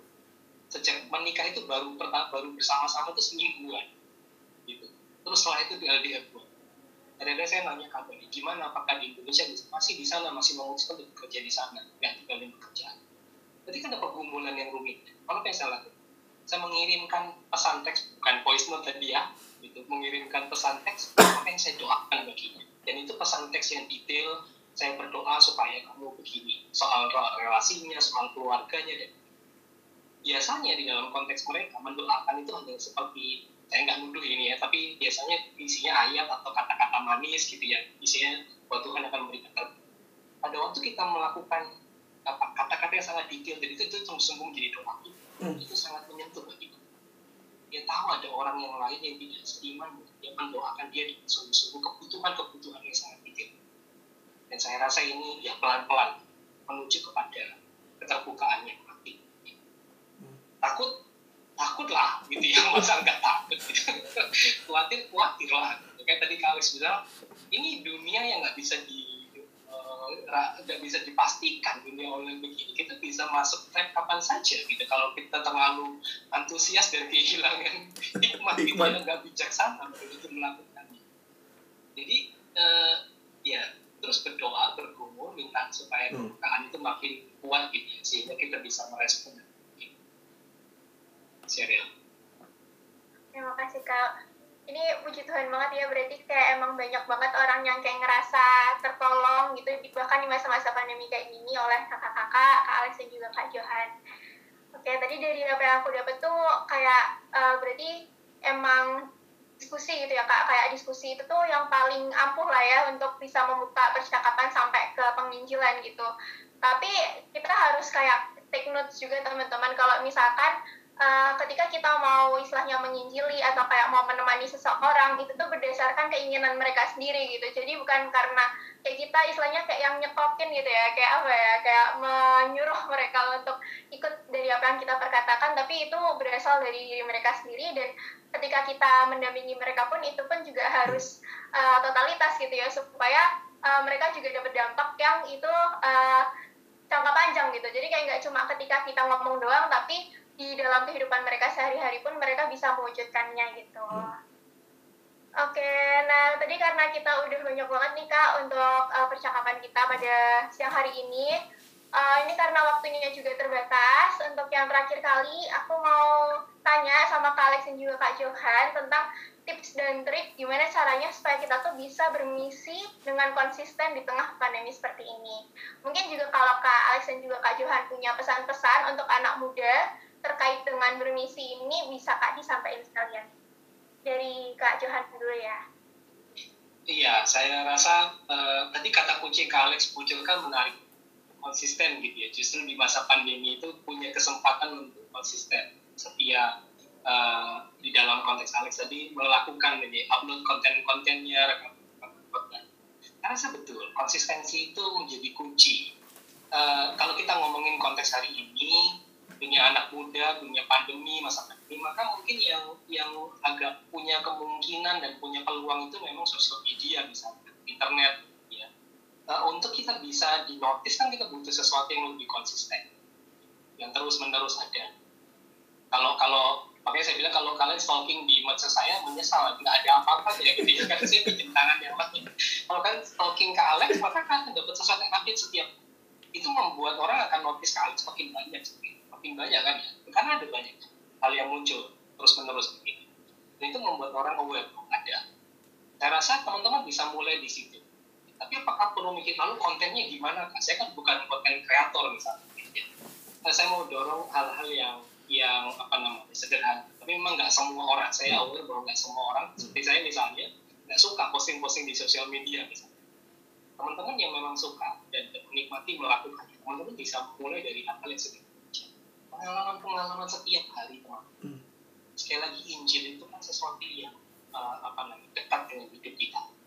Pengalaman yang sehari-hari yang diwarnai oleh pengalaman dengan Tuhan yang pengalaman atau Injil yang hidup di dalam hidup kita itu itu bisa menjadi sesuatu yang dekat as apa sesimpel cerita hari ini bangun misalnya berdoa dia lalu ngalami jawaban doa misalnya hal yang seperti itu aja paling nggak perlu sangat spektakuler besar-besar rumit gitu ya. Sederhana aja. Cara saya itu akan memberikan peluang untuk orang juga menemukan ceritanya. Karena nggak semua orang juga butuh cerita yang spektakuler. Cerita-cerita hidup yang sederhana itu mungkin lebih relate sama mereka. Ada doa yang kecil yang disampaikan dan kemudian ternyata alami sesuatu. Dan orang bahkan mungkin dari dari orang percaya ini bisa oh iya aku juga berdoa dan mengalami misalnya. Kalian bisa jadi ngobrol. Saya saya beri sekalipun ini mungkin konteksnya bukan ini ya bukan masalah pandemi tetapi ada satu waktu di, di pelayanan siswa waktu dulu saya masih di pelayanan saya mendorong adik-adik berkata, uh, untuk belajar prestasi dengan cara yang sederhana. Kayak tadi itu pengalaman sehari-hari, apa yang dialami, didoakan dan saya Tuhan jawab atau bergumul pada sesuatu. Mereka belajar menuliskan, belajar untuk cerita dengan bahasa yang sederhana ada satu teman yang secara sungguh-sungguh, jadi teman ini bukan orang yang komunikatif secara verbal kepada orang lain, mereka cenderung tertutup, sangat introvert gitu ya, pemalu begitu. Tapi dia bisa berteman secara dekat dengan beberapa orang saja. Dan dia mencoba itu dengan dia berdoa supaya punya kesempatan. Atau ketika di kosan dia berhasil punya kesempatan cerita sama teman dan bukan Beberapa waktu kemudian temannya itu melepas gitu ya dan minta aku boleh dong ikut ke gereja. Hmm. kita belum dengar ceritanya. Saya ingat saya tidak lanjutkan cerita tapi kemudian dia menjadi Kristen. Tetapi keberanian untuk melakukan hal itu mencoba mencelurkan kakinya istilahnya diawali dari kisah pengalaman yang kata dengan Tuhan. Itu mungkin membuka pintu-pintu yang lainnya. Hmm. konsisten eh, berawal dari apa yang kita alami tadi ya berawal dari apa yang kita kemudian uh, menjadi otentik dan, dan siap untuk merespon orang-orang yang merespon itu. Saya rasa itu menjadi dorongan saya. Hmm. Alex. Saya cerita pengalaman saja mungkin ketika saya sadar betapa luar biasanya media sosial dan anak muda gitu ya. Jadi beberapa tahun yang lalu saya memimpin sebuah retret di SMA tertentu lah ya eh, dan itu retret kelas 3 retret kelas 12. Jadi sebelum mereka tamat, mereka ada retret dan saya datang ke situ dan kemudian ngobrol lah sama anak-anak di situ. Ini sebelum pandemi ya, sebelum pandemi gitu. Tapi saya tuh belum pernah melihat, uh, saya baru sadar lah kenapa saya bilang saya baru sadar dengan powerfulnya media itu. Jadi kemudian waktu ngobrol-ngobrol gitu ya, saya itu tuh ikut Instagram, ikut apa tuh karena saya pelayanan di siswa. Jadi adik-adik siswa yang kenalin gitu. Saya mah agak-agak kolot juga gitu ya. Tapi mereka selalu gitu, Kak Alex coba bikin ini. Jadi saya bikin IG pertama karena disuruh siswa. Kami mainnya di IG sekarang Kak. Oke deh, nanti saya ikutan gitu ya. Nah, tapi ternyata juga Tuhan kasih beban ya. Saya senang uh, belajar, saya senang bagiin sesuatu. Dan pengalaman ketika siswa itu cerita-cerita, Terus dia bilang gitu, Kak, boleh tanya nggak? Jadi biasa kan lagi makan siang gitu. Saya bilang, mau tanya apa? Itu kalau misalnya ada orang punya pergumulan, dia di pekerjaan, bosnya begini, begini, begini. Saya bingung gitu ya. Anak ini tiap kali saya jawab, dia tanya lagi. Kalau ada yang begini, begini, begini, gimana kak? Kalau ada yang mau cerai, gimana kak? Saya mikir, lu, lu siapa sih? Gitu ya. Kenapa kok anak SMA kelas 3 pertanyaannya soal kerja lah, soal cerai lah. Terus kemudian dia bilang, iya abis saya ditanyain kak. Hah? Siapa yang nanya? Terus dia bilang gini, saya punya channel Line. Jadi ternyata dia anak yang suka pakai Line. Dia tuh punya channel Line gitu ya. Ini sebelum pandemi, jadi orang biasanya, uh, tapi dia punya channel Line. Dan setiap hari, anak ini cuman, ya ampun, anak ini cuman repost Kadang-kadang dia cari quotes yang bagus, kadang-kadang dia ambil ayat Alkitab. Jadi channelnya itu juga uh, growing karena dia cuma membagikan apa yang mungkin dia dapat, dia lihat, mungkin quotes atau apa gitu ya. Teman-teman dan kalian tahu berapa orang yang ada di channelnya dia? Waktu itu ada 4000 orang. Jadi dia posting sesuatu pagi hari anak SMA kelas 12 itu yang menerimanya sekitar 4.000 orang kalau mereka semua lihat ya. Dan karena itu banyak yang halomin, boleh sharing nggak? Tanya dong kalau di pekerjaan saya begini, ada ibu-ibu yang konseling ke dia gitu, mau nanya dong suami saya lagi selingkuh, bagaimana nih mesti cerai atau bertahan. Jadi akhirnya dia bilang, Iya kak, saya kan kebingungan. Mereka nggak tahu adminnya anak SMA katanya gitu ya. Dan cuman saya cuman dari situ saya langsung sadar. Dia konsisten dengan apa yang dia punya. Kadang-kadang dia juga mungkin hanya membagikan apa yang dia nikmati. Tidak semua kita kan jago bikin kanva atau apa begitu ya. Tapi teman-teman, saya cuma mau mendorong kalian. Kalian punya medsos. Kalian punya apa lagi? Anak sekarang suka apa nih? Uh, apa yang kamu bisa lah lakukan dan do something dan di dalamnya itu jadi cara yang mungkin Tuhan bisa pakai membuka pintu-pintu uh, percakapan ya. Dan tentunya paling penting adalah sediakan dirimu untuk menemani orang itu karena tidak semua bisa dilakukan di medsos. Ingat, medsos hanya buka pintu percakapan. Sesudah itu mesti ngobrol pribadi, chatting pribadi, telepon, doa bersama. Jadi jangan melihat medsos segala-galanya, tetapi pakailah medsos untuk membuka kesempatan bagi pelayanan ini. Thank you. Nah, keren banget sih ya kak. Ini emang bener banget sih kak tips and triknya. Jadi kita kita bisa mulai dari apa yang terjadi dalam kehidupan kita sendiri ya. Hmm. Kayak jangan uh, melulu kita ngambil sesuatu dari orang lain yang mungkin itu pun nggak relate gitu sama diri kita. Jadi kalau misalkan ditanyain sama orang lain ya kita nggak bisa jawab karena itu bukan kapasitas kita juga kan. Jadi kayak lebih ke apa yang kita alamin, apa yang menjadi uh, misalkan kita kayak bersyukur hari ini bersyukur karena apa kita sharingin aja gitu bisa di media sosial kita dan kalau misalkan ada orang yang mau mengajak diskusi kita ya seenggaknya nggak cuma sampai di situ lah ya diskusinya jadi kayak bisa diterus-terusin kita telepon-teleponan bareng atau doa bareng kayak gitu teman-teman Oke, makasih banyak buat Kak Alex dan juga Kak Johan. Udah banyak sekali pertanyaan yang tadi uh, dijawab-jawabin ya Kak. Nah, sekarang kita mau masuk ke sesi kedua nih Kak. Kita bakalan jawab pertanyaan dari teman-teman peserta yang ada di Zoom ini dan juga yang kemarin udah uh, kirim pertanyaannya lewat Google Form. Nah, ini udah ada pertanyaan yang pertama nih, Kak. Kak, kalau ada orang yang sudah kita tunjukkan perilaku baik, tetapi tetap aja nggak berubah, apakah ini tanda-tanda buat berhenti atau bagaimana, Kak? Gitu. Bisa dari Kak Alex dulu, mungkin? Uh, saya sih ngelihatnya gini ya, teman-teman. Um, kalau Tuhan kasih kita beban, untuk terus mendekati, terus mendoakan, terus dekat sama Dia, ya lakukan bagian itu. Ini sangat tergantung ini ya konteks ya. Misalnya kayak waktu itu ada satu teman dengan situasi seperti ini, dia bilang, "Iya, Kak, habis dia masih teman di kantor, habis masih teman di kampus." Saya bilang, "Ya, berubah itu kan nggak butuh proses ya." Dan kadang-kadang kan perubahan yang terjadi itu juga pelan, tapi saya bilang ya kamu setia aja doain. Nah dia bilang saya mesti berhenti kapan? Saya pikir kalau kamu masih satu kantor, masih satu kampus, sering ketemu dia, jangan-jangan memang selama kamu ada bersama ya itu cara Tuhan untuk membuat kamu juga tetap punya kesempatan kepada orang tersebut. Jadi uh, tidak ada patokannya secara khusus, tapi bagi saya cek lagi. Kalau Tuhan kasih beban dan itu kadang-kadang beban yang kayak ya saya ketemu beberapa teman yang jadi misionaris ya. Kak Johan juga pasti ketemu beberapa yang jadi misionaris. Itu udah udah males udah coba lupa lupain tetap aja diingetin Tuhan. Eh ingetin loh dia doain atau doain negara ini. Kadang-kadang itu nggak bisa dijelaskan tapi Makanya saya harus katakan kembali pergumulanmu dengan Tuhan, lihat kesempatan yang terbuka seperti apa. Kak Johan?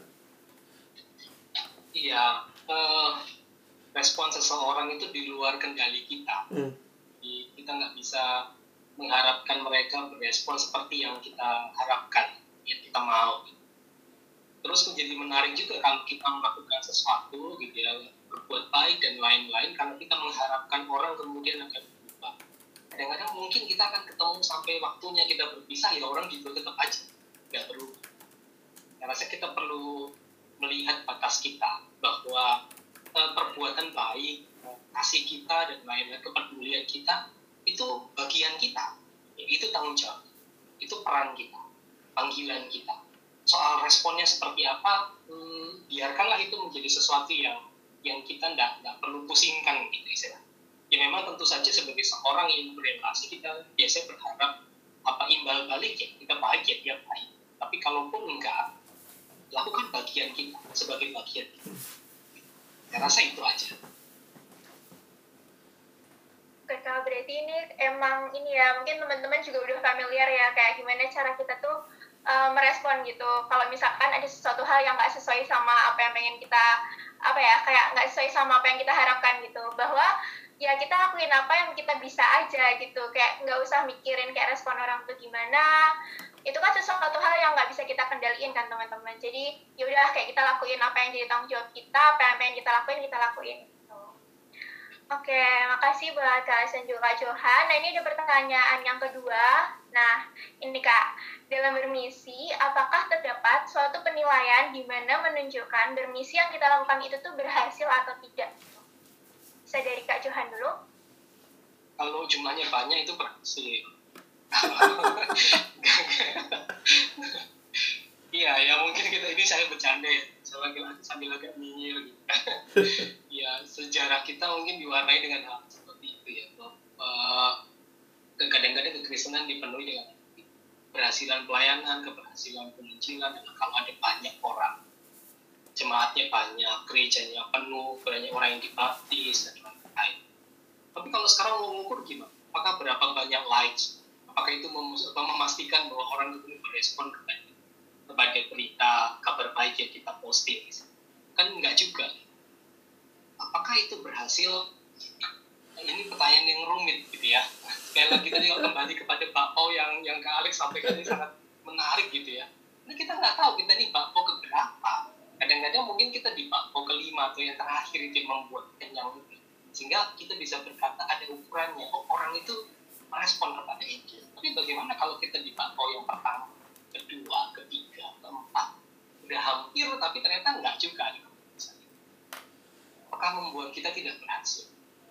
Uh, kan enggak juga. Jadi ini ini saya nggak punya jawaban yang sangat solid ini. Kayak apa gimana ngukurnya gitu ya. Tapi saya pikir mari kita kembali kepada yang ketika Alex bukakan itu menjadi cara pandang yang baru buat kita bahwa kita bagian dari sebuah rantai, bagian dari sebuah proses, bagian dari pengalaman-pengalaman encounter yang diciptakan sebelum seseorang itu kemudian mengalami jadi ultimate encounter dengan Tuhan yang berujung kepada responnya. Silakan ya. Se saya coba tambahin sedikit berkaitan dengan ini aja mungkin kalau ingat-ingat kutipan gitu ya. Keberhasilan misi bukan dilihat dari uh, banyaknya respon orang. Saya setuju banget sama Kak Johan tadi bahwa respon itu bukan bagian kita. Bagian kita dalam bermisi, keberhasilan misimu adalah ketika engkau setia melakukan bagianmu. Bagaimana itu berbuah banyak atau tidak atau kamu cuman bapau pertama yang kok ngelihatnya belum berubah, tapi ternyata Tuhan pakai kamu dalam mata rantai itu membawa orang itu dekat kepada Tuhan. Makanya sebenarnya saya juga sebagai orang yang belajar misi agak takut dengan penilaian-penilaian yang kita buat. Karena kan kita mesti ada evaluasi programnya. Kadang-kadang juga kalau mahasiswa baru masuk, oh ini mesti sekian.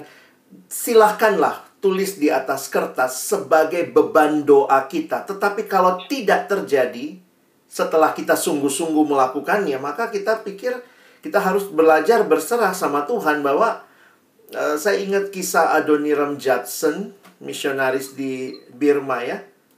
Tujuh tahun dia pelayanan, tidak ada satupun orang yang bertobat. Dia hanya menerjemahkan Alkitab ke dalam bahasa Birma. Nggak ada yang baca juga, karena nggak ada yang bertobat gitu ya. Tapi kemudian e, nanti baca ceritanya, saya lupa persis gitu. Tapi intinya setelah tujuh tahun itu dia tinggalkan Birma.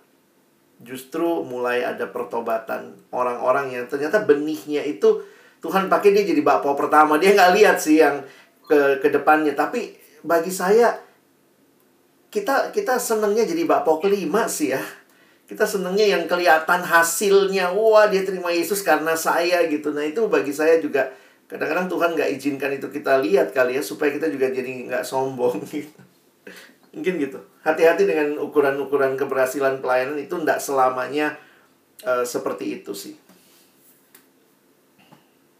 Terima kasih. Nah ini ya teman-teman harus hati-hati dengan ukurannya. Karena itu kita nggak bisa kayak bener-bener matok sesuatu hal yang apa ya bilang itu berhasil atau enggak gitu karena kan kita juga nggak tahu ini tahap tahap orang yang kita lagi injilin itu sampai mana gitu ya hmm. pokoknya lakuin aja dan jangan mikirin tentang respon orang tersebut oke nah sekarang kita lanjut ke pertanyaan ketiga ya kak ya yeah. nah ini udah ada di layar bagaimana membangun pribadi yang percaya diri untuk berbicara tentang Yesus ke orang lain secara natural. Wah ini kayaknya teman-teman juga pada penasaran ya ini. Boleh dari Kak Alex dulu Kak? Saya tadi setuju dengan Kak Johan juga. Saya juga punya, saya belajar banyak metode ya karena juga uh, saya tertarik dengan penginjilan, belajar banyak metode, lalu kemudian metode-metode itu kan semua ya kayak misalnya evangelism explosion, metode buku tanpa kata, nanti ada metode gelang berwarna, ada metode jembatan. Nah, itu kita bisa belajar banyak metode. Tapi itu sekali lagi ya, metode itu sebenarnya dalam kalau kita hafalin metode saja, kita jadi metodologis gitu. Kalau mau ngomong, aduh tunggu dulu nih. Ini ini bagian uh, berita dosa, ini dosa dulu nih, baru kemudian. Jadi kadang-kadang kita tuh nggak natural. Nah, cuman saya mau mengatakan begini, pelajarilah sebanyak mungkin metode, Lalu kemudian dalam percakapan secara natural, lihatlah dalam hikmat Tuhan bagaimana menyampaikan apa, kapan, dan itu semua menurut saya sih sangat tergantung. Nanti kalau kalian pelajari ya, beberapa metode penginjilan itu, saya ngomong, kamu dengar. Itu itu yang terjadi. Coba lihat metode penginjilan apa? Modelnya adalah kamu dengar ya. Jadi Allah mengasihi manusia. Jadi kayaknya kamu diem, stop jangan ngomong, saya ngomong nih. Jadi itu yang bikin gak natural. Makanya saya jujur aja harus katakan uh, saya agak khawatir ketika orang Indonesia yang masyarakatnya pluralis begini, kita belajar metode penginjilan Amerika. Semuanya dari Amerika gitu. Nah, kita mesti belajar membangun metode yang lebih bersifat dialogis. Nah, jadi kita tanya. Jadi jangan jangan kamu nggak peduli sama ceritanya dia. Kadang-kadang gini ya, kita tanya ceritanya tapi supaya apa? Supaya kita mau ceritain cerita kita. Jadi sebenarnya kita nggak nggak peduli sama cerita dia. Nah, makanya tadi dengerin yang Kak Johan bilang, uh, saya juga lagi kembangkan uh, apa ya pola itu ya. Saya nggak bilang metode ya. Polanya adalah pola dialog dan mulai dari cerita. Nah, kapan-kapan kalau mau training nanti kita cari waktu lah ya training tentang berbicara. Jadi cerita hidupmu. Jadi cerita kita akan menjadi cara Tuhan membawa cerita orang lain juga bersinggungan dengan ceritanya Tuhan. Nah, Kak Johan juga tadi udah lakukan juga ya di Jogja dengan teman-teman di sana. E, coba belajar menyusun ceritamu. Jadi saya kalau sekarang misalnya e, bikin training penginjilan ya ayo belajar bikin ceritamu nanti kamu bisa posting di IG kamu bisa posting di IG story di WA story tapi itu belajar mengemas ceritanya kehidupanmu dari apa yang kamu alami jadi uh, membangun orang percaya membangun percaya diri sebenarnya saya pikir saya takut juga loh. Kita nggak percaya diri karena metode-metode kita semua Amerika minded gitu. Negara yang memang kayaknya bisa langsung ngomong kalau nggak percaya Yesus mati kau masuk neraka malam ini. Ih serem amat gitu ya. Nah kalau mahasiswa apalagi ketemu orang itu tiga tahun empat tahun bareng. Terus dari tahun pertama kamu udah oh, kau mau mati masuk neraka. Kau belum percaya Yesus kau masuk neraka. Kamu udah nggak punya teman udah pasti itu nah itu itu poin saya Thank you, Jo. Iya kan. uh, iya, saya saya tadi mungkin banyak diwarnai karena saya uh, apa namanya mengembangkan satu belajar mengembangkan satu pendekatan yang lebih dialogis. Teman-teman tesis saya saya membuka apa namanya melakukan sebuah praktek spiritual companion di percakapan spiritual dan persahabatan spiritual dengan teman-teman Muslim Indonesia. Uh, jadi membawa model dari kekristenan sebetulnya kepada kepada mereka dan menjadi wadah untuk kami berbicara iman. Betul-betul bukan bukan dialog iman tapi menjadi percakapan iman yang di dalam gitu ya. Pengalaman pemahaman dengan Tuhan. Nah itu itu seperti orang lagi ngobrol. Kalau kalau kompleks itu kayak konseling tapi nggak kayak konseling sebenarnya. Karena kayak ngobrol aja. Bukan lagi menasehati dan lain-lain. Kita mendengarkan memantulkan gitu. Jadi uh, lebih pada menggunakan skill mendengarkan aktif hmm. gitu Nah itu menolong kita teman-teman untuk bisa bicara dengan natural, bisa juga mendengarkan dengan natural. Karena kita tidak sedang diwarnai dengan sibuk, saya harus ngomong apa setelah ini. Gitu ya. Tapi tadi saya sepakat dengan Kak Alex banget bahwa kita perlu belajar sebanyak mungkin perlengkapan. Bukan untuk kemudian mencari, oh pada waktu ini kemudian gunakan yang ini, pada waktu ini gunakan yang ini, gitu, ini gunakan yang ini. Bukan itu.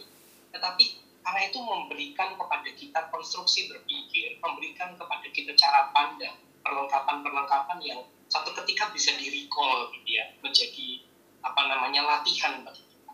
Nah, pada waktu kita menambahkannya dengan keterampilan yang lain, keterampilan untuk ngobrol biasa aja, mendengarkan secara aktif, gitu ya, memahami pergumulannya. Kalau kita bisa juga uh, memberikan satu dua apa namanya uh, pendapat kita, gitu hal-hal itu membangun sekali dan membuka pintu itu untuk kemudian bicara hal sensitif. Kenapa? Pada waktu seorang didengarkan, seorang akan merasa dihargai, seorang akan merasa sangat apa namanya diterima. Jadi itu kebutuhan manusia yang yang, ter, yang salah satu kebutuhan manusia yang paling dalam. Gitu ya. Dan ketika itu terjadi, maka tembok-tembok itu runtuh. Orang secure. Ketika orang merasa secure dan itu runtuh, kita bisa bicara hal-hal yang sensitif tanpa kemudian menimbulkan luka, menimbulkan perasaan sedang diintimidasi. Hmm. Apalagi kalau kita memang terampil menyampaikannya sebagai sebuah bagian dari dialog dan bukan presentasi untuk kemudian kamu beli atau enggak gitu misalnya. Nah itu tuh. Sama kayak Alex tadi, kalau mau dilanjutin jadi training, mari kita Kak, Kak Johan sudah punyanya ya, ya. Kak Johan sudah tesis itu jadi silakan itu kalau saya masih belajar dari percakapan biasa Oke, jadi jadi practice makes perfect gitu ya kak ya. Jadi kita pun juga kayak harus latihan kayak gimana cara ngobrol, mendengarkan secara aktif gitu ya kak. Dan kayak nggak kepatok kayak metode-metode tadi yang kayak kita harus ngafalin gitu ya nggak mungkin jatuh jadinya tapi perlu belajar tetap iya iya Iya, iya, tapi tetap harus belajar. Oke, makasih banyak Kak. Ini mungkin pertanyaan terakhir banget nih Kak. Boleh? Nah, ini Kak, kayak gimana sih Kak cara kita mengincili tanpa menyinggung agama lain? Terutama buat kita kalau misalkan uh, bertemu atau berdialog sama orang-orang yang emang beda agama gitu ya, yang bukan dari Kristen tapi emang dari sananya kayak udah beda gitu Kak. Nah, itu gimana Kak supaya nggak menyinggung? Uh, kalau yang barusan saya bagikan itu mungkin menjadi jawaban. Atau ya itulah jawaban saya lah.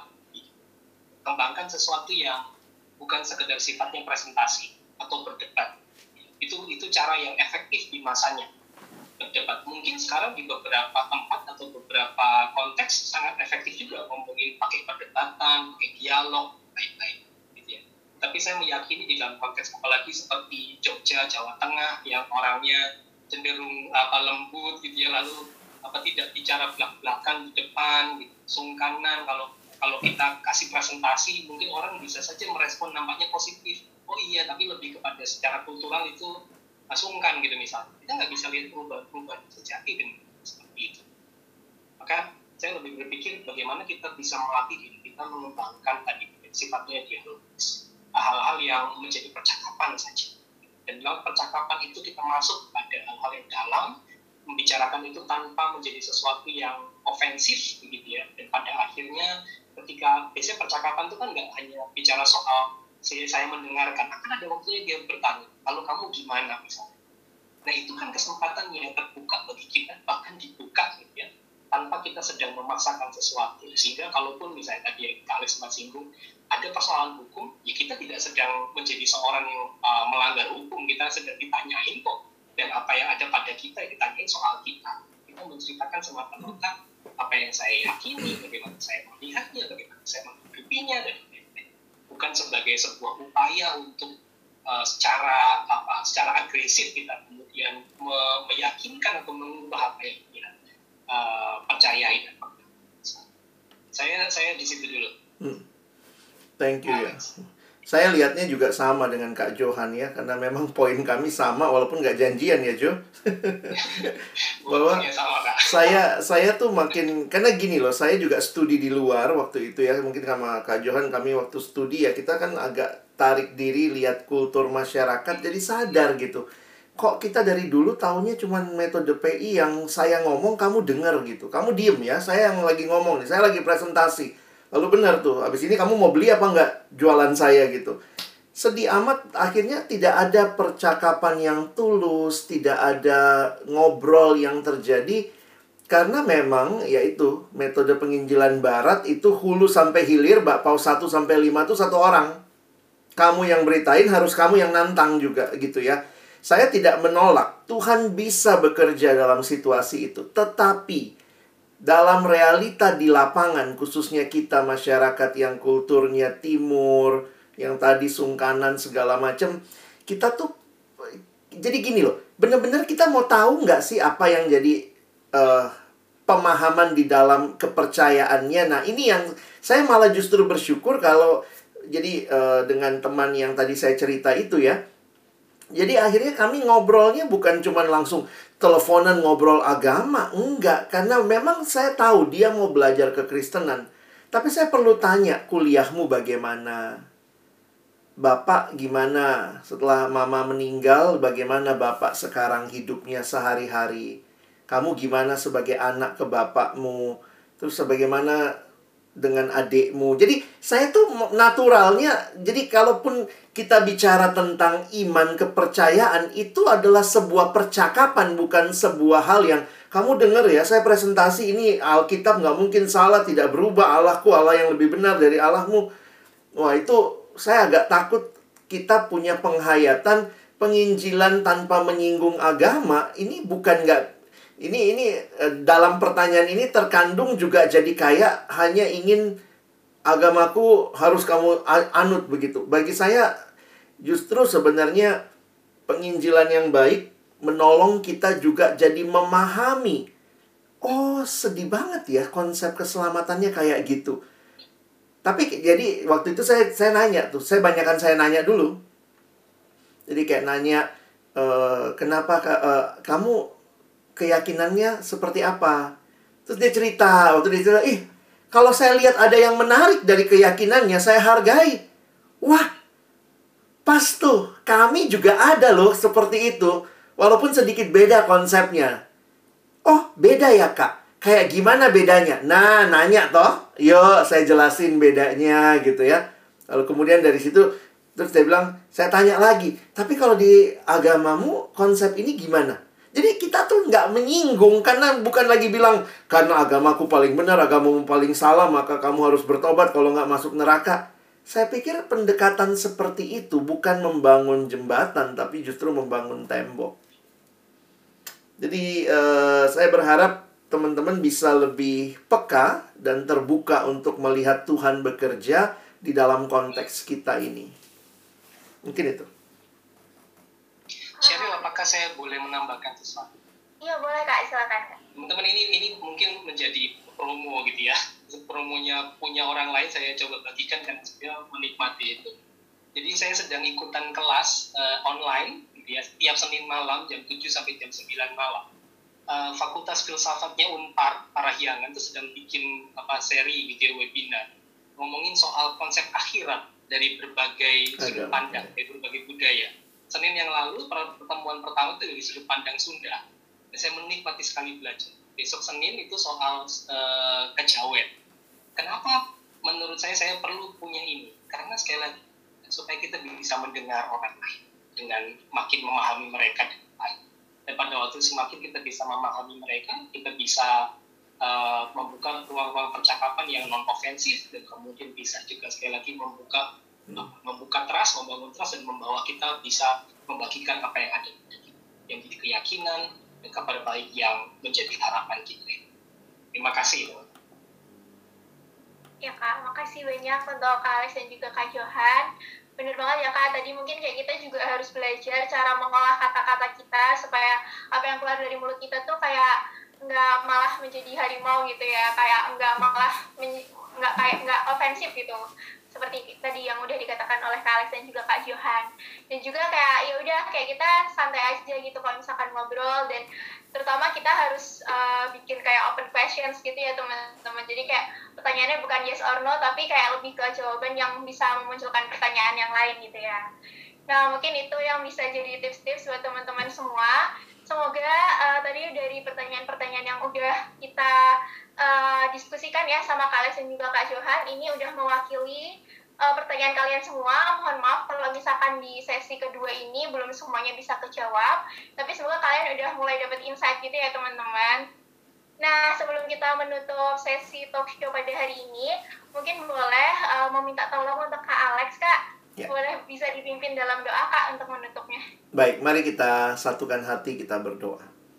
Tuhan terima kasih karena beban yang besar itu Tuhan berikan juga kami perlengkapan untuk menjalani Joglo Semarto bermisi di tengah-tengah kehadiran kami di kota kami, di kampus kami masing-masing. Penginjilan bukan masalah menang kalah, penginjilan bukan masalah siapa yang ikut siapa, tetapi kami mau ikut Yesus karena itulah kebenaran yang sejati. Tolong kami sebagai alatmu menghadirkan berita Injil yang utuh dalam hidup kami, dalam perkataan kami, dan akhirnya orang lain boleh berjumpa dengan Kristus di dalam waktu dan kehendak Tuhan. Terima kasih buat adik-adikku, teman-temanku yang juga benar-benar merindukan melalui pertanyaan-pertanyaan yang kami lihat tadi ada kerinduan yang besar untuk boleh bukan hanya dapat dapat talk show saja, tetapi bagaimana memberlakukan apa yang didengar. Karena itu Tuhan mampukan kami, kuatkan kami. Terima kasih untuk semua kami yang sudah berpartisipasi, baik yang menjadi uh, moderator, kami narasumber, dan semua yang menyimak, dan kami berdoa. Pada akhirnya Tuhan tolonglah kami, bukan cuma jadi pendengar yang setia, tapi boleh menjadi pelaku-pelaku dari kebenaran-kebenaranmu di dalam keseluruhan hidup kami. Terima kasih berkati acara selanjutnya. Biarlah kami terus boleh dibakar dalam semangat untuk hidup bagi Allah dan berbagi Injil bagi sesama. Kami menutup talk show ini. Dalam nama Yesus kami berdoa, kami bersyukur. Amin.